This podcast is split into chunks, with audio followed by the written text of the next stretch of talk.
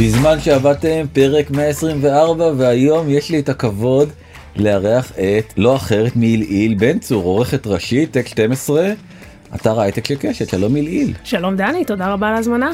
כיף שבאת אה, דרור החליט שהוא עוזב אותנו לטובת האלפים המושלגים ומשאיר אותנו פה בסכלה של תל אביב. אשתדל למלא את אה, נעליו העצומות של דרור. אז בעצם נדבר על המלחמה הבאה בין סין לבין ארה"ב. נתחיל מהמלחמה שחילקה את העולם אה, לגושים, אני מדבר על המלחמה באוקראינה, תכף ניגע בה. איך היא הובילה בעצם להשתלשלות של המלחמה הקרה הבאה. שהולכת להיות שונה מכל המלחמות שהכרנו עד היום וגם כמובן בסוף צריך איזשהו טיפה אופטימיות אז נספר מי ירוויח ממנה לא בטוח שזה כזה אופטימי אבל אה, ננסה בכל זאת לנסוח מעט אופטימיות אז אנחנו באמת חוגגים שנה למלחמה באוקראינה בטח ראית בחדשות שביידן קפץ לביקור של הפתעה. פושים יצאו לי כן. מכל האפליקציות. ביקור הפתעה, איזה מין כן. אה, כותרת משונה זה ביקור הפתעה, והוא טען שפוטין הוא dead wrong, טועה מוות, נכון? לקח צד בצורה אה, חד משמעית. כן, זה כמובן הוציא את הרוסים משלוותם, אני לא יודע למה, איך הם מחברים אחד ועוד אחד שם ברוסיה, אבל הם אמרו ככה, אז אנחנו פורשים מהאמנה לפירוק הנשק הגרעיני. זאת אומרת אנחנו ממשיכים אה, לצבור ערימות של אה, נשק גרעיני. סין יושבת לה בצד מסתכלת על כל היופי הזה ואומרת וואו יש פה הזדמנות גדולה עבורנו. רגע אני עוצרת אותך כי דיברנו על מלחמה של רוסיה ואוקראינה הכנסת עכשיו את סין איך סין קשורה לכל האירוע. יפה אז דבר ראשון סין אה, מאוד נסמכת על רוסיה בכל מה שקשור באנרגיה רוסיה היא אחת היצרניות הכי גדולות בעולם גם של נפט וגם של גז טבעי וסין אחת הצרכניות הגדולות של נפט וגז טבעי.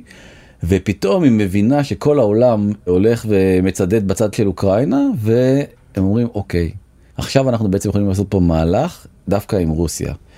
ויומיים אחרי שפוטין מכריז על ההחלטה הזאת בעצם להתנתק מהפירוק הגרעין שולח אליו שי ג'ינג פינג השליט הנערץ של סין את הפוליטיקאי הכי בכיר שלו כאילו שר החוץ לדון בהידוק היחסים בין רוסיה לבין uh, סין. וההידוק היחסים הזה מאוד מאוד מאוד מטריד את העולם ובעיקר מטריד את האמריקאים כי פתאום הם מבינים שאולי רוסיה הולכת לחתום על עסקת נשק קטלני כמו שהאמריקאים קוראים לזה עם סין וסין תספק לה נשק קטלני מאוד מאוד מתקדם.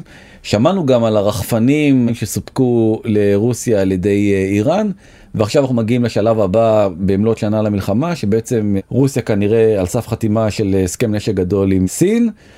ופתאום נראה, ואני מקריא לך פה כותרת מהטלגרף, ששי ופוטין מכריזים על מלחמה קרה חדשה. זאת אומרת, בעצם הפלישה של רוסיה לאוקראינה התניעה מלחמת מעצמות חדשה. סין תפסה צד עם רוסיה, ארה"ב לקחה צד באוקראינה, האירוע הזה כלל עולמי. נכון, האירוע הזה הוא כלל עולמי, ובעצם מתחיל תהליך שגם כן uh, כבר קיבל את השם העולמי decoupling, בעצם היפרדות והתנתקות. בדיוק כמו שאמרת זה בעצם מי שעומד בראש הגושים האלה זה מצד אחד ג'ו ביידן ומצד שני שי ג'ינג פינג.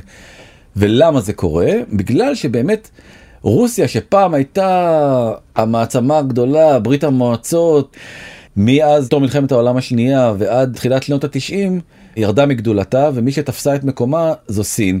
שהיא בעצם היום הכלכלה השנייה בגודלה בעולם עם 18.3 טריליון דולר תל"ג. עדיין במקום הראשון בפארק משמעותי כלכלת ארה"ב עם אה, מעל 25 טריליון.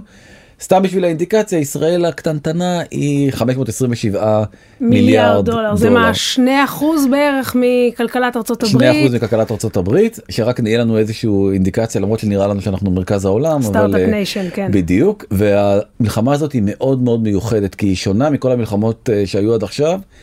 בגלל שהיא כמעט כולה נוסבת סביב טכנולוגיה. אז כשמדברים על מלחמה כזאת בדרך כלל מדברים על שבבים כי בעצם השבבים הם אה, מה שמניע כמעט כל מכשיר חשמלי חכם בסביבתנו. התעשייה הזאת היא סדר גודל של חצי טריליון דולר ב-2023 ובאמת אה, מטוסים מכוניות אה, מכונות כביסה מחשבים מחשבונים בכל אחד יש איזה מין רכיב כזה קטן שנקרא צ'יפ שהוא המוח של אה, אותו אה, מכשיר אה, חשמלי. והוא המוח שבין השאר עומד היום בין המלחמה של ארצות הברית וסין.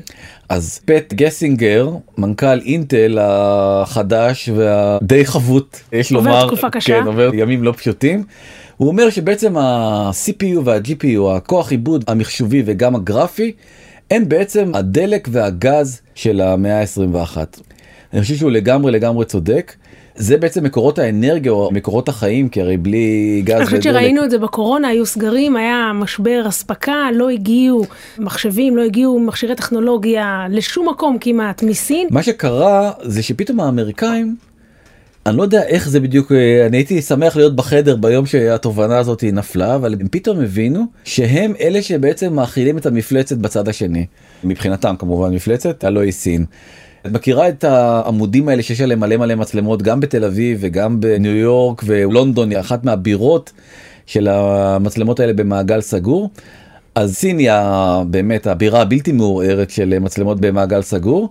הבירה הבלתי מעורערת של השימוש במצלמות, הפיקוח אחר אזרחים. גם של כמות מצלמות כן בכל אה, אספקט בעיר שיאנג'ן יש מרכז מחשוב ענן בשם כן. אורומצ'י ושם באורומצ'י הזה בעצם מנטרים כל פעילות של כל אזרח כולל האם הוא נסע על אופניים על קורקינט תדלק בתחנת דלק מאיפה הוא הלך לאיפה הוא הלך עד כאן נשמע לי כמו אנקדוטה רגילה לגבי סין. יפה. מה הקשר הברית? שמי שעומד מאחורי המרכז הזה ומי שסיפק לו את הטכנולוגיה זה שתי חברות אמריקאיות אחת זו אינטל והשנייה זו שתי אינווידיה. ענקיות שבבים נכון. מהמובילות בעולם. אחת הכי חזקה בעולם בתחום של CPU והשנייה הכי חזקה בעולם בתחום של אה, GPU בדיוק אותם שני תחומים שאותם הזכיר קודם אה, פט אה, גלסינגר.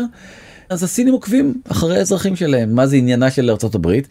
העניין הוא שבעצם הצ'יפים האלה גם מפעילים את מערכות הטילים הכי מתקדמות וגם את המל"טים הכי מסוכנים וגם כמובן את כל מבצעי הסייבר המפוארים של הצבא הסיני. זאת אומרת שבסופו של דבר מי שמתדלק את הטכנולוגיה הסינית שמשמשת נגד אזרחים, משמשת במלחמות, משתמשת במבצעי סייבר, זו טכנולוגיה אמריקאית שהסינים יכולים לרכוש באין מפריע. בדיוק ככה וזה זה לא הייתה נפילת אסימון זה היה כזה כמו ב slot machine שפתאום יש כזה מין רעש והמון המון המון צלצולים. בדיוק אז זה מה שקרה כנראה בארצות הברית ופתאום הם הבינו שהם צריכים לעשות אה, איזשהו אה, מעשה. הם זה האמריקאים שהבינו שהם לא יכולים להמשיך בדיוק. לתת יד לדבר הזה. נכון בעיקר כשהם רואים ממול שפתאום הצבא הסיני מחליט שהשנה דווקא הוא מעלה את התקציב שלו בעוד 7.2 אחוזים מה שהוא לא עשה בארבע שנים האחרונות שכל הזמן צמצם וצמצם וצמצם את תקציב הביטחון הרי אם יש שלווה ושקט ואנחנו לא חוששים ממלחמה אז אנחנו בעצם אמורים להקטין את תקציב הביטחון. ומה הסיבה? טיוואן. אז סבבה, היינו באוקראינה, היינו ברוסיה, ארצות הברית, סין, טיוואן, איך זה נכנס בוא לכל נטייל- המשוואה בוא נטייל הזאת? שנייה לטיוואן אז טיוואן זה. אי קרוב מאוד לסין הזרים קוראים לו טיוואן הם קוראים לו הרפובליקה של סין והוא בעצם אה, לא כזה אי גדול אי של 36 אלף קילומטר רבוע. ישראל היא 22 אלף קילומטר רבוע ישראל היא פיצית אז פיצית וחצי נגיד ככה. אבל על השטח הזה מתגוררים 23 מיליון תושבים שמבחינת סין הם סינים לכל דבר, חלק לחלוטין. בלתי נפרד מסין, מבחינת טיוואן, טוענים לעצמאות, קצת יותר מורכב. הם אומרים שהם דמוקרטיה אז ככה הם מכריזים על עצמם כדמוקרטיה אפילו השפה הכי פופולרית בטיוואן היא מנדרינית שהיא כמובן שפה סינית. סינית. יש גם שפה שקוראים לה הולו שהיא השפה השנייה הכי פופולרית ויש שם אה, בודהיזם וטאואיזם מאוד מאוד מאוד דומה לסין איך זה קשור לכל הנושא? כי במדינה הזאתי יש חברה שקוראים לה TSMC. טיוואן טיוואן. Semiconductor Manufacturing Company. מעולה. והחברה הזאתי מייצרת תחזיקי חזק 60% מסך הצ'יפים בעולם. ואת רוצה להחזיק עוד יותר חזק היא מייצרת 92% מסך הצ'יפים החכמים בעולם. זאת אומרת הדורות הכי מתקדמים של הצ'יפים שזה לא רק המחשב שלי ושלך, אלא באמת מערכות מורכבות, צבאיות, בינה מלאכותית. בדיוק. במחשב שלי כרגע יש צ'יפ שהוא אפילו לא הדור החדש ביותר הוא צ'יפ של חמישה ננומיטר ויש כבר דור חדש יותר של שלושה ננומיטר עכשיו רק בשביל לסבר את האוזן, ננו זה 1 חלקי מיליארד, זה צ'יפים זעומים שבאמת דרושה עבורם טכנולוגיה. מטורפת ולכן מטורפת. רק בטיוואן וגם בקוריאה בסמסונג וב-TSMC אלה שני המקומות היחידים בעולם שיודעים לייצר צ'יפים כל כך זהירים עכשיו למה צריך שהצ'יפים יהיו זהירים. א' כמובן שזה גורם לכל מכשיר להיות יותר אה, מוקטן כי לא צריך נפח גדול בשביל לדחוף את הצ'יפ הזה לתוך מכשיר תחשבי על שעונים תחשבי על כל מיני אפליקציות חדשות שצריכות בעצם אה, כוח עיבוד אה, חזק. זה פעם ראשונה זה גם מביא ליותר ביצועים וזה גם מקטין ב-30 עד 35 אחוז את צריכת החשמל וזה מאוד מאוד זה מאוד משמעותי. חשוב, כן, בעיקר כשמדובר במכשירים שהם פועלים על בטריה כן. ואז צריך פחות להטעין אותם ולכן זה מאוד מאוד מאוד משמעותי. השבוע היה את אה, קונגרס העם הלאומי בסין ושם הכריז עוד פעם שי ג'ינג פינג התייחס לטיוואן ואמר אנחנו הולכים לאיחוד בדרכי שלום. זה נשמע לי כמו לשון נקייה עליה אנחנו הולכים לתקוף את אה, טיוואן כן, ולהחזיר זה- את מה ששלנו. לי זה מזכיר את העבריינים האלה בחיפה שאומרים בוא בוא רגע אני לא צריך לך שום דבר. לא צריך לך שום דבר. אז זה, זה מין איחוד בדרכי שלום. האמריקאים רואים את זה ומאוד נבהלים ובעצם נותנים הערכה, ה-CIA נותן הערכה די מפחידה שב-2027 בעוד ארבע שנים סין הולכת לכבוש באמצעות הצבא שלה את טיוואן. שיש פה גם מניע לאומי, אמרנו סין מבחינתה, טיוואן היא חלק בלתי נפרד מהרפובליקה הסינית, וגם מניע ברור כלכלי, TSMC היהלום שבכתר של ענף השבבים? במרחק נגיעה. כן, את מסכימה איתי, יש להם 1.4 מיליארד אה, תושבים. הם עשו הכל כדי להקטין את הילודה. את מסכימה איתי שה-26 מיליון הטיוואנים המסכנים, אם זה הם לא מה היו... שחסר כן, להם. לא, אם הם היו סתם דייגים שחיים על מקרלים, זה לא כל כך היה מעניין אותם, אבל ה-TSMC הם לוטשים עיניים, הם מבינים שבעצם כדי להשיג את העליונות העולמית הזאת שכל כך אה, מייחלים אליה, הם חייבים את טיוואן. ואגב, אם אני חוזרת. לשקפים הראשונים של המצגת, אמרנו שעד עכשיו בעצם ארה"ב מתדלקת עם טכנולוגיה עילית את הצרכים של סין, אם סין משתלטת על TSMC, מהבחינה הזאת היא יכולה לכלכל את הצרכים של עצמה ואפילו להיות עליונה לארה"ב. זה תסריט אה, בהחלט אה, ריאלי, עוד פעם, כי כרגע הברית, שאומנם משתמשת, היא המשתמשת העיקרית במפעלים האלה של TSMC, אבל אין לה את הטכנולוגיה לייצר שבבים אה, בעצמה. בעצמה. משקיף על כל הסיפור הזה מרחוק ג'ו ביידן ואומר שני דברים. דבר ראשון שהוא אומר, אנחנו חייבים uh, לעזור לאחינו הטיוואנים, כולנו הרי טיוואנים בלב באופן כזה או אחר, כמובן. ולכן הוא אומר אנחנו עכשיו הולכים לתת מענק ביטחון של 858 מיליארד דולר. 858 מיליארד דולר לטיוואן. לטיוואן כדי להגן על אינטרסים של הטיוואנים, העם הטיוואני המסכן הזה, שחס וחלילה לא תהיה לו עצמאות. עכשיו, למה שהם ישקיעו כזה סכום בדיוני אלמלא TSMC? האמת אוקיי. שזה גם קזוס בלי מול סין, שראו איך ארצות הברית מתגייסת להגן על אוקראינה מפני רוסיה, מתגייסת להגן על טיוואן מפני סין. אני חושב שאנחנו הולכים לתסריט מאוד מאוד לא טוב ויש עוד הרבה הרבה אה, נדבכים לדבר הזה. החלק המעניין, TSMC גם מחליטה כדי אה, למזער סיכונים להקים מפעל בפיניקס אריזונה. למה פיניקס אריזונה? זהו, אז אמרתי לעצמי, למה מכל המקומות בעולם, היית פעם בפיניקס? האמת שלא. אני הייתי, זה חור, וואו, כמו שאת רואה מדבר כזה בסרטים עם השיחים המתגלגלים והקקטוסים. הענקיים, ככה זה נראה בפיניקס אריזונה, אז כן, יש שם הרבה שטחים, כן. מצד אחד, ומצד שני, מסתבר שספציפית נבחרה פיניקס כי היא, יש לה ברית ערים תאומות עם טייפיי. הבנתי. כל המהלך הזה של אה, ביידן הוא חלק ממהלך הרבה הרבה יותר גדול שקרה בקונגרס האמריקאי. שגם הרפובליקנים וגם הדמוקרטים התאחדו בכתב חוק כאילו בעצם של מענק של 200 מיליארד דולר לתעשיית השבבים האמריקאית כי הם מבינים שהם לא יכולים להרשות לעצמם את התלות הזאת לא בטיוואן ולא בקוריאה ולא באף מדינה אחרת. אני חושבת ש- שזה באמת התחדד משתי סיבות. אם דיברנו קודם על הקורונה, על משבר האספקה של השבבים, שאומנם נפתר, אבל בעצם העולם אמר, אם כל השבבים מיוצרים פלוס מינוס בשניים שלושה מקומות, ובעצם התחיל בולמוס של בניית מפעלים כדי שכל מדינה תוכל בעצמה, גם באירופה, גם בארצות הברית, תוכל לייצר לעצמה את השבבים, שחס וחלילה לא יהיו תלויים במדינה אחרת. ועל זה נוסף הנדבך הטכנולוגי, שאנחנו אומרים, היום בעלות על שבבים מאוד מאוד מאוד מתקדמים. זה פתח להרבה מאוד טכנולוגיות מתקדמות, חשובות וקריטיות לביטחון המדינה. נכון מאוד, מסכים איתך לגמרי. דווקא על הרקע הזה גם פתאום יש הודעה מאוד מפתיעה מוורן באפט, האיש שאף פעם לא מוכר אה, פוזיציה שלו במניות, הוא נפטר מרוב המניות שלו ב-TSMC. וזה מאוד מאוד הדאיג את המשקיעים למרות שצ'רלי מונגר השותף שלו השותף האחראי השותף מבינה? האחראי. צ'רלי מונגר הוא בן 99 שזה פשוט מדהים כשאיש בן 99 מדבר בצורה כל כך קוהרנטית וברורה על נושאים כל כך מורכבים אבל הוא אומר תעשיית המוליכים למחצה היא תעשייה מאוד מוזרה אתה לוקח את כל הכסף שהרווחת ועם כל דור חדש של שבבים אתה משקיע בו חזרה את כל הכסף שהרווחת בעבר אם אתה רוצה להישאר במשחק והוא כמובן שונא עסקים אה, מהסוג הזה זה היה ההסבר שהם נתנו. כן. אה, התחרות גם על המזעור וגם על הקיבוץ של נכון, גודל כי כל פעם השבבים. כל, הטכנולוגיה רצה כל כך מהר קדימה שבעצם צריך כל הזמן לבנות אה, מפעלים חדשים זו גם הבעיה בעצם של אינטל שהיא לא השקיעה מספיק מההון החוזר שלה בלבנות את הדורות הבאים וקצת נשארה מאחור. באוקטובר 22 ביידן החליט שהוא עושה מעשה ובעצם לא מאפשר יותר לחברות אמריקאיות ללא אישור של הממשל האמריקאי למכור שבבים לסין. שזה וואחד מהלך, כי כמו שאמרנו בעצם... זה גם שוק ענק שחברות אמריקאיות מפספסות, זאת אומרת זה מהלך שיש לו השלכות אה, כלכליות מאוד כבדות על, אם דיברנו על אינטל ואינווידיה, זאת אומרת זה נכון. שוק שלם שנחסם בפניהן. גם תחשבי בעצם על אפל למשל, או כל מיני חברות אחרות שמוכרות לאמריקאים, או טסלה, או...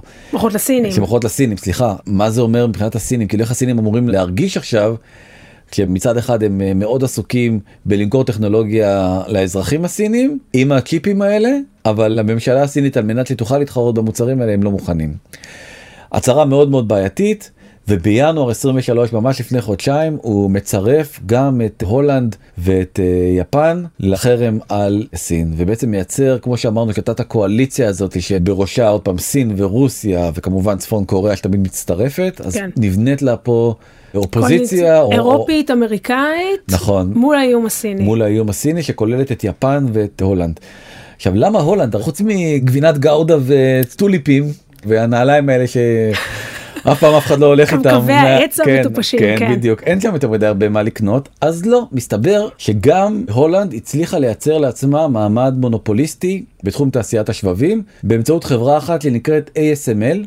אז אני אעשה פה סדר, בעצם בייצור שבבים יש לך את הפיתוח שלהם ואת ההנדסה מאחוריהם, אחר כך יש גם את הייצור במפעלים, וכחלק מתהליך הייצור גם יש תהליך שנקרא פוטוליטוגרפיה, שחורט את השבבים עצמם. נכון. נכון? ASML, החברה הגדולה בעולם שמייצרת את המכונות האלה. נכון, וגם שם זה טכנולוגיה באמת אה, על חלל. באקונומיסט מספרים שם שהרמת דיוק שהמכונה היא שם יורה שתי קרני הם קוראים לזה extreme ultraviolet קרן אולטרה סגולית מאוד מאוד אה, קיצונית שפוגעת באיזושהי פלזמה שעוברת שם ובעצם ואני מייצרת- מזכירה והגודל הוא שני ננומטר, בדיוק- מיליארדית המטר, איזה פיסת סיליקון שעליה שאני בא- צריך כן. להנדס את כל האירוע. זה בדיוק מה שאני בא לספר לך וזה אומר רמת הדיוק זה כמו לפגוע בקרן לייזר מכדור הארץ במטבע של עשרה סנט שנמצא בירח. מדהים. זאת רמת הדיוק שהמכונה מגיעה אליה זה כאילו באמת לא נתפס ורק בהולנד יודעים לייצר את הטכנולוגיה הזאת. ולכן אם אני רוצה לייצר שבבים, אני חייבת מכונות של ASML. נכון. לא משנה אגב- איפה המפעל שלי. נכון המכונה הזאת היא בגודל של שני אוטובוסים זה משהו עצום מכונה אחת בודדת ויש uh, תור. לא מצליחים לעמוד בקצבי הייצור לשנתיים קדימה את לא יכולה להזמין שום מכונה גם אם את מאוד מאוד רוצה תעמדי בתור כמו שאומרים אצלנו וכרגע גם ASML מצטרפת לחרם וזה רק שתביני זה החברה השנייה מבחינת שווי שוק בחשיבותה באירופה אחרי לואי ויטון.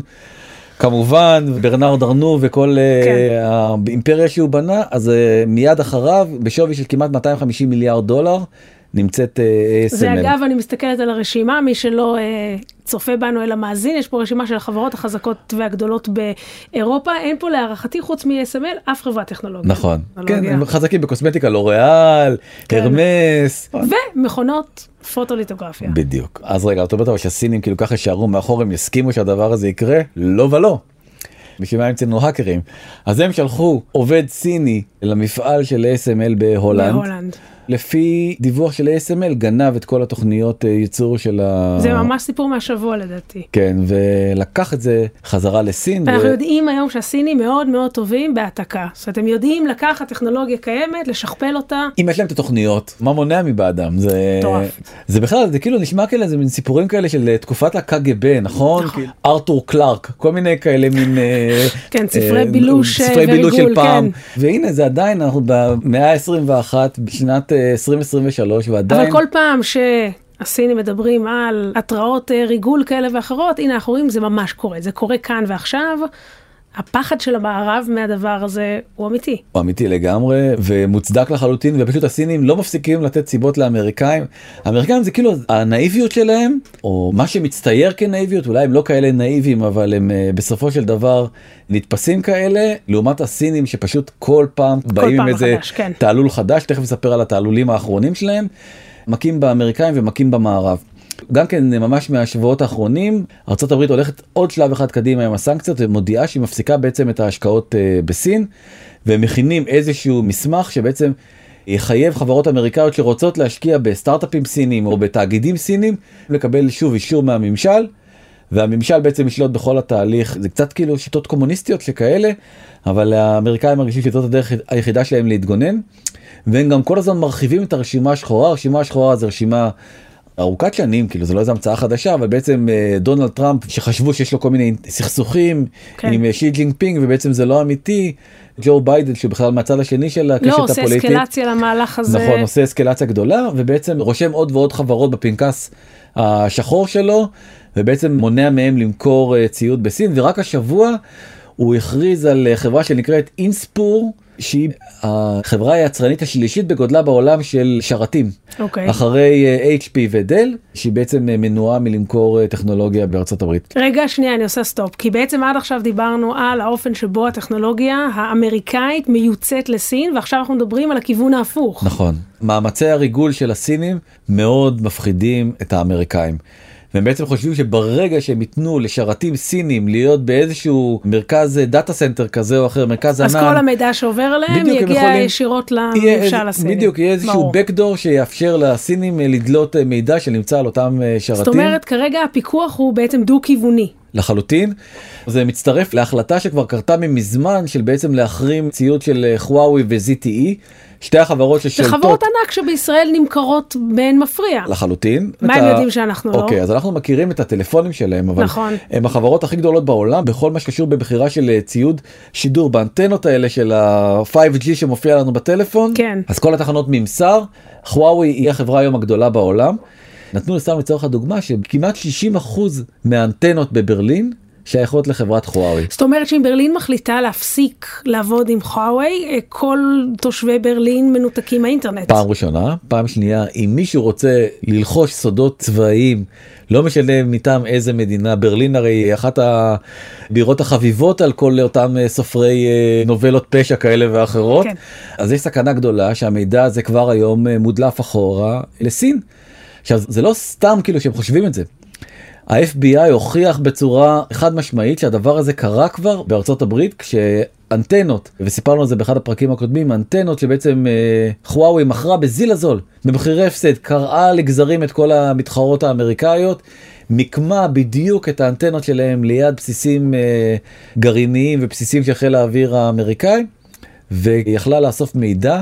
היא גם אמרה אנחנו ניתן לכם מצלמות עלינו מתנה מאיתנו כדי ובעצם שתראו זה." השתמשה בזה כדי- כתחנת תמסורת אה, ריגול אה, אחורה. לכל המידע. ורגע, ומה עם הבלונים יפה. שעכשיו ממלאים את אה, שמי ארצות הברית? יפה ועכשיו פתאום איזה סיפור חדש באמת ברמת ההזיה זה אני כבר- קצת זה- קיוויתי שזה חייזר, אבל אני מודה כאילו- שגם הסיפור האמיתי הוא לא מאכזב כל כך. בדיוק אז עכשיו זה היה כל כך הזוי שהתחילו כל כך הרבה תיאוריות של אה, עב"מים כי פתאום הופיעו להם בלונים כן. ענקיים שזה בלונים מטורפים בגודל שלהם זה לא איזה ילד השתחרר לו איזה בלון כן. הליום ואבא שלו הלך וקנה לו בלון חדש זה וואחד בלון שמשייט בגובה די נמוך ודי הלחיץ את האמריקאים ורק אחרי שהפילו אותו גילו שהוא בלון אה, סיני.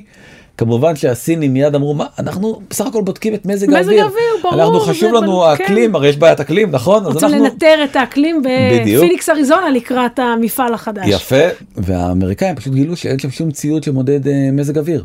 אלא רק מצלמות וכנראה המטרה שלהם הייתה לעשות איכון נמוך של הקרקע. זה הביא את האמריקאים א' לטירוף, כן.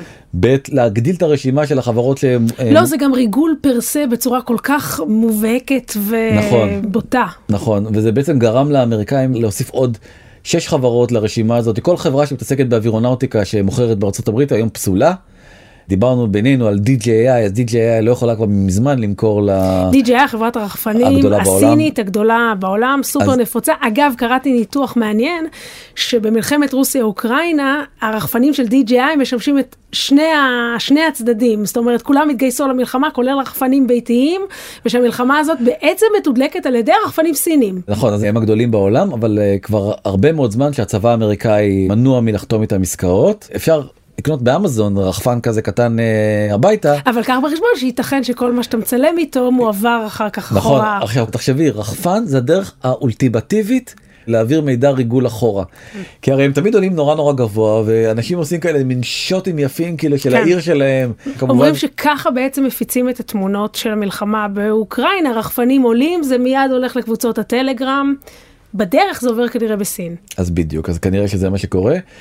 ואם באמת רוצים לקחת את ההזיה למקום הכי רחוק, סיפור שגם דיברנו על זה בינינו, אני לא מבין איך הוא לא פתח אה, מהדורות, אבל הוול סטריט ג'ורנל אה, פרסם שבוע שעבר, שנגיף הקורונה הודלף ממעבדה בסין. כן. הייתה כזאת איזה מין שמועה בהתחלה שכמובן הוכחשה, דרך אגב, הכחשה גורפת על ידי כל המעורבים בדבר, כולל ארגון הבריאות העולמי, ועכשיו פתאום יש התעקשות שהדבר אכן אה, כך אה, קרה. כמובן שסין אומרת אתם עושים את זה רק אה, עכשיו אתם רוצים לעשות רווח פוליטי על הגב שלנו ולגרום לכל העולם להיות נגדנו לא היו דברים מעולם אבל ממש אתמול ארגון הבריאות העולמי החליט שהוא פותח בחקירה רשמית וביקש מהממשל האמריקאי להעביר לו את אה, כל המידע שיש ברשותו על אותה אה, הדלפה. בארצות הברית יש כמה גופים שבוחנים את המקרה הזה. אני כן ראיתי בדוח עצמו של משרד האנרגיה בארצות הברית שהוא ברמת ביטחון נמוכה לגבי הוודאות, אבל אני לא יודעת כמה הפוליטיקה פה בוחשת בסופו של דבר במסקנות. אז מעניין מאוד יהיה לראות מה קורה עם הדבר הזה. אני חושב שזה פצצה מתקתקת הסיפור הזה גם של הקוביד. אגב, ו... סין סובלת מאוד מאוד מהקורונה אחרי שנים של סגרים שעוררו מהומות והפגנות, עכשיו פתחו את כל ההגבלות מחדש והם חווים שם גל קורונה מאוד מאוד נכון, קשה. נכון, כי אין להם חיסונים, הם לא מחוסנים, יש להם איזה חיסון מקומי, הם לא קונים חיסונים מהמערב, כי מה פתאום אנחנו לא צריכים את המערב, אנחנו טובים מאוד בלעדיו. וכנראה שהוא לא באמת מתמודד עם הבעיה והבעיה היותר גדולה זה שאנחנו לא באמת יודעים כן. אנחנו לא יודעים כמה מתים, כמה חיים, מה קורה שם, אין בדיוק אה, שקיפות לגבי העניין הזה. אבל הם כבר מוכנים לשלב הבא והרי אין פרק שאנחנו עושים בלי להזכיר את אילון מאסק אז הסינים גם הודיעו שהם משיקים רשת אינטרנט חדשה שתתחרה בסטארלינג של אה, אילון מאסק. אגב, אילון מאסק שיתף בטוויטר את הדליפה מווהאן, הקורונה, וקיבל אזהרה רשמית מהממשל הסיני שלא אה, השתמשו באיזה ביטוי סיני שאני לא מכירה, שזה to break the Chinese pot, שזה כמו אה, לנשוך את היד שמאכילה אותך. כן. זאת אומרת, אילון מאסק בטוויטר, שיש לו 130 מיליון עוקבים, הוא כנראה אחת מתיבות התעודה הגדולות בעולם, שיתף את הדוח של הוושינגטון פוסט, או הגיב לציוץ בנושא, כן. חטף נזיפה מהממשל הסיני באותו יום, פומבית. כן, מדהים. יחסים מורכבים יש לאיש הזה נכון, עם אה, סין. אז כנראה שהם החליטו להעניש אותו ולהעלות אה, רשת לוויינים משל עצמם, שבעצם תספק אינטרנט לכל מיני מקומות בעולם. יש להם עניין גדול באפריקה, סין אה, משקיעה המון המון כסף באפריקה כדי בעצם לנכס לעצמה את כל הכלכלות, שיהיו כלכלות מתפתחות ואז בעצם יישבו על תשתיות סיניות ויהיו חייבים. וגם אם יש לך לוויינים בגובה נמוך, מאוד קל לנטר מה קורה בכל מקום בעולם. נכון. עכשיו מי יהיה אותו אדם אחרי שאנחנו יודעים את כל הסיפור הזה שהתחבר לאינטרנט סינית. זה נורא זול. אני נכנסתי לאלי אקספרס להזמין לי איזה שעון ספורט, אתה יכול ב-60 שקל לקנות איזה חיקוי של משהו. בתנאי שתיתן את כל האינפורמציה שאתה יכול לממשל הסיני. נכון זה ה trade off וגם עוד פעם יכול מאוד להיות לאותו יצרן שעונים אה, קצת פחות מתעניין. למה ביכולות הריצה כושלות שלי זה. איך אה, את יודעת לא כולם נראה לי שם. אה, אבל הגישה הבלתי מוגבלת של הממשל הסיני בעצם לכל חברה פתאום ג'ק מה בא להם לא טוב בעין. אז אסור לו להרים את הראש והוא כן, פשוט צריך להיעלם. אז הוא נעלם. וזה גם כן מגיע לישראל כי בעצם ישראל החברת טאוור אה, שנמכרה ומחכה לאישור רגולטורי, נמכרה לאינטל, נמכרה לאינטל צריכה שהרגולטור הסיני יאשר את המכירה. למה צריכה שהרגולטור הסיני יאשר את המכירה? כי היא בעצם מוכרת שבבים גם בסין. זאת אומרת בישראל אין כרגע מגבלה שהחברה הישראלית תמכור שבבים בסין. נכון, ולכן הסינים צריכים לאשר את זה, כי בעצם החברה תהיה תחת בעלות אמריקאית. השוק חושב שהסינים לא, לא יאשרו, וכנראה העסקה תבוטל, אבל לשם זה הולך, ובאמת, אם רוצים ממש להפחיד, אז צריך לדבר על הדבר הגדול הבא, שזאת אה, בינה מלאכותית, ובינה מלאכותית צריכה המון המון המון כוח עיבוד, והכותרת הזאת, NBC News, אני מאוד אוהב אותה.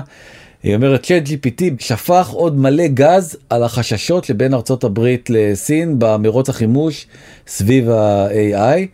זה מתחיל מזה שסין שנייה רק לארצות הברית בפרסום מאמרים בעולם ה-AI היא מאוד מאוד מתקדמת. ויש לה יתרון אינהרנטי עצום על גבי ארצות הברית. היא לא מחויבת לשום כללי אתיקה שהמערב מכיל על עצמו. ראינו איך סינדי יורדת מהפסים וזה כמובן מאוד הפחיד את האמריקאים אז בסין שתעשה פליק פלק באוויר וסלטות לאחור זה לא מעניין אף סיני כל עוד זה ייתן להם יתרון. שבאמת שסינים ישתגעו, שיתאהבו במכונות, שיחליטו מה שהם רוצים לעשות עם זה, זה לא מעניינם. ובלבד שיהיו ראשונים בעולם. בדיוק. למה זה מסוכן יותר? בדיוק, והטכנולוגיה הזאת היא, שסידני תגיד לי שהיא אוהבת אותי, אבל אה, אני נשוי לאשתי, אבל אני לא אוהב אותה, או כל מיני משפטים כאלה שהיא אומרת, זה סבבה, אבל באמת ה-AI יטיס את מטוסי הקרב של העתיד, כבר נעשה ניסוי וזה באמת מוכיח את עצמו כמשהו שיכול אה, לקרות מחר בבוקר. כל מה שקשור בעולמות הסייבר, ChatGPT הוא אחד האיומים הכי משמעותיים שיש. ואולי האיום הגדול מכל, הרי אומרים שבשנת 2025, ממש עוד שנתיים, אמ-המ. 90% מהתוכן בעולם ייוצר על ידי AI. זה מכונת הדיסאינפורמציה הכי משוגעת שבני אדם בנו בהיסטוריה. בעצם אפשר יהיה להפיץ כמויות אינסופיות אמ-המ. של דיסאינפורמציה ומה הפלטפורמה הכי טובה טיק טוק כמובן נכון להפיץ דיסאינפורמציה לא אחרת מטיק טוק שהיא כמובן חברה סינית. כן. אפרופו זה אומר שהסינים כבר יודעים עליי באמת הכל. כן, את מכורה? כי אני, אני מהמכורים לטיקטוק, כן. האלגוריתם כל כך יודע בדיוק להציע לי את הדברים שאני אוהבת, הוא מכיר אותי יותר טוב מהחברים שלי. לא, דני, תשמע, אה. זה... אדם והטיקטוק שלו, כן, בדיוק. בדיוק, אבל כן ראיתי, רגע רצינות, דוח של ה-FBI ממש מהימים האחרונים, שאומר שבמקרה של תקיפה אפשרית של סין בטיוואן, טיק טוק תהיה מכונת השפעה על דעת קהל מהטובות בעולם. נכון. הם יכולים באמת בלחיצת כפתור לייצר דיסאינפורמציה, להפיץ אותה לעשרות מיליוני משתמשים בטיק טוק, ולהשפיע מאוד על התגובה העולמית לדבר הזה. חד משמעית. וזה מאוד מפחיד את האמריקאים הם אומרים שבעצם הטיק טוק הזה הם קוראים לזה בלון ריגול בתוך הטלפון שלכם כמו בול. הבלוני ריגול האלה כן. שיש ב... וכבר לממשל האמריקאי אסור לממשל אסור להסיר, הקנדי כל עובדי ציבור, כן. להסיר את זה הממשל מהטלפונים. הקנדי הצטרף אליהם וגם האיחוד האירופי מי שעובד באיחוד האירופי אסור לו שיהיה לו טיק טוק מותקן על הטלפון. ובעצם זה אולי נשק יום הדין של האמריקאים כנגד הסינים שהם אה, נערכים ליום הזה ויכול להיות שהוא ממש מעבר לפינה. שבעצם ארה"ב תודיע שלכל אזרחי ארה"ב אסור להתקין טיק טוק. זה מרגיש כאילו היום הזה קרוב מתמיד הסנאט כבר אישר לביידן להוציא צו כזה. עכשיו יש בזה איתות כי בעצם הם מודיעים לסינים אנחנו מוכנים וערוכים. עכשיו בכל רגע נתון מחר בבוקר זה תיאורטית זאת יכול אומרת, זה לקרות. לא רק טכנולוגיה עילית שיכולה לסכן אותנו צבאית, זה לא רק אה, אירועים מורכבים ביטחונית, אלא זה גם האפליקציה הכי פופולרית היום לצעירים. בהינד עפעף אנחנו יכולים להחליט לחסום אותה. או שהסינים יכולים להחליט להפיץ בה כזאת כמות של דיסאינפורמציה ושקרים שתשכנע את כל הצעירים בעולם זה כלי תעמולתי זה כלי תעמולתי מדהים. פשוט משוגע. כן. מי כן ייהנה מזה? הרובוטים. הרובוטים. כן, למה הרובוטים? כי סין חוץ מזה שהיא בעצם יש אה, מאבק גדול לטכנולוגיה יש שם גם די הרבה תושבים. וכשהם לא ישנים בהפסקת הצהריים שלהם הם אה, מייצרים כמעט את כל הטכנולוגיה בעולם והמשבר הזה בעצם כל החברות ובראשן אפל מוציאות את קווי הייצור שלהן מסין זה תהליך שלוקח זמן ובעצם אה, הדבר הכי נכון לעשות זה להסתמך על רובוטים באותם קווי ייצור ולא על העובדים הסינים. הזולים. ולכן בעצם גולדמן סאקס אומר שבעצם ה-humanoid robots, הרובוטים האנושיים, קרובים הרבה יותר ממה שאנשים משערים. הם מעריכים שב-2030 כבר יהיו לא מעט מאלה, בעיקר... בגלל, בגלל הצורך שיש בפתרונות הטכנולוגיים האלה? כן, יש ואקום גדול מאוד של ידיים עובדות בעולם. הוואקום הזה הולך ומתעצם בגלל שארצות הברית מוציאה את עצמה מהמקום הכי יצרני בעולם שהוא סין. לא כזה עובד להם בהודו כן. ולא כל כך עובד בווייטנאם. ארצות הברית התמכרה לייצור הסיני, ועכשיו לחלוטין. נאלצת להיגמל ממנו, מחפשת שווקים חדשים, הודו, וייטנאם, כל ישראלי שטייל במקומות האלה יודע שיש שם מורכבויות. כן, לא, לא פשוטות, ולכן בעצם הדבר הכי נכון זה להסתמך עוד פעם על טכנולוגיה חזרה ועל יצור שהוא אינו מוטה בני אדם, ולכן הרובוטים כנראה השנים הקרובות אה, זאת תהיה שעתם היפה. מדהים. ויקטור הוגו אמר שמזה 6,000 שנה המלחמה השביעה את רצונם של עמים מתגרים, ואלוהים בזבז את זמנו בליצור את הכוכבים ואת הפרחים. מדהים, וככה הגעת מזלנסקי לוויקטור הוגו. רואה איזה מעגל עשינו? מדהים. אז זהו, עד כאן. תודה רבה לך, אילאיל, שהחלפת את דרור בצורה כל כך כל כך מקסימה. בשמחה אה, רבה. ואנחנו רוצים להודות לעורכת אפרת מירון, למפיקה נטע ספילמן, בסיוע הטכני למוטי אוננה ולחברים ממאקו, זוהר צלח, ניצן כרמלי ודנה גוטרזון. אם אתם רוצים ליצור קשר עם דני ודרור, אפשר בוואטסאפ 03-7676-012 או במייל בזמן כרוכית קשת מקף טבעי נקודה קום. נהדרת את, וגם דרך אגב, אם מישהו רוצה ליצור איתך קשר, אנחנו מבטיחים להעביר. בשמחה. איליל שטרודל טק 12, co.il, אני זמינה. אה, תודה רבה. בכיף.